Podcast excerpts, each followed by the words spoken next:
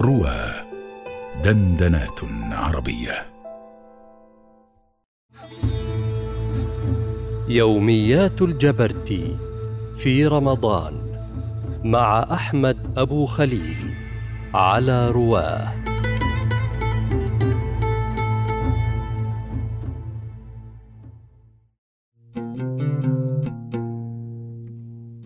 رجل يغلب عليه البله والصلاح.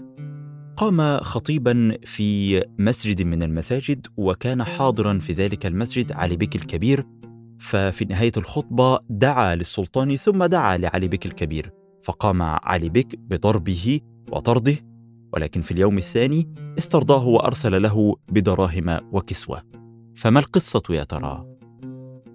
في عام 1183 من الهجرة. كان عمر الجبرتي في ذلك الوقت 16 عاما تقريبا. يروي أنه مما اتفق أن علي بك صلى الجمعة وكان ذلك في أوائل شهر رمضان. صلى الجمعة بجامع الدودية جامع الدودية سنأتي على ذكره هنا أيضا وقد زرته قريبا بجوار مسجد السيدة زينب أو بجوار الجامع أو ميدان السيدة زينب. خطب الشيخ عبد ربه ودعا للسلطان ثم دعا لعلي بك فلما انقضت الصلاة وقام علي بك يريد الانصراف أحضر الخطيب. وكان رجلا من أهل العلم يغلب عليه البله والصلاح. فقال له من أمرك بالدعاء باسمي على المنبر؟ أقيل لك أني سلطان؟ فقال نعم أنت سلطان وأنا أدعو لك.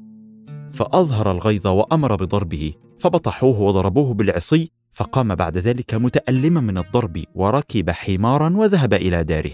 ثم أن علي بك أرسل إليه في ثاني يوم دراهم وكسوة واستسمحه فسامحه هذه القصة حدثت في جامع الداودية وجامع الداودية ينسب إلى داود باشا الخادم ولي مصر في مطلع سنة 945 وقد توفي سنة 956 كان هذا الوالي من أعظم ولاة مصر العثمانيين. لما تميز به من ثقافته الرفيعة وأنه كان ينزل العلماء منزلا كريما كما كان مغرما باقتناء الكتب العربية وله مكتبة كبيرة. هذا إلى جانب اتصافه بالحلم وكرم الأخلاق كما كان شديد التدين. فقد أوصى عندما شعر بدنو أجله أن يدفن بجوار قبر الإمام الليث بن سعد فقيه مصر وقد تحقق له بالفعل ما أراد. لهذا الوالي العديد من المنشآت المعمارية في مصر والحجاز والشام. ومن أهمها حي الداودية ويعتبر جامع داود باشا الذي ذكرنا أنه بالقرب من ميدان السيدة زينب من أشهر منشآته المعمارية.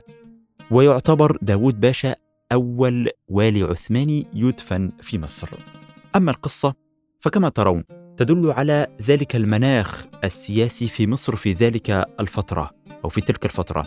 كانت الولاية الأساسية هي ولاية عثمانية. للولاة العثمانيين ولكن من يتحكم في الأمور وفي مقاليد الأمور أمام الناس هم أمراء المماليك.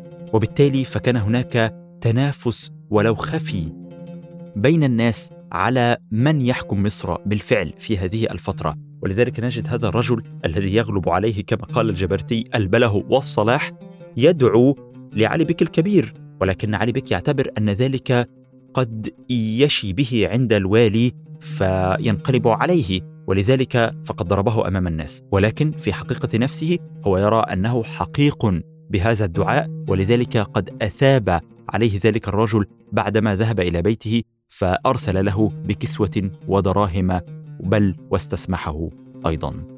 هذه كانت يومية من يوميات الجبرتي في رمضان.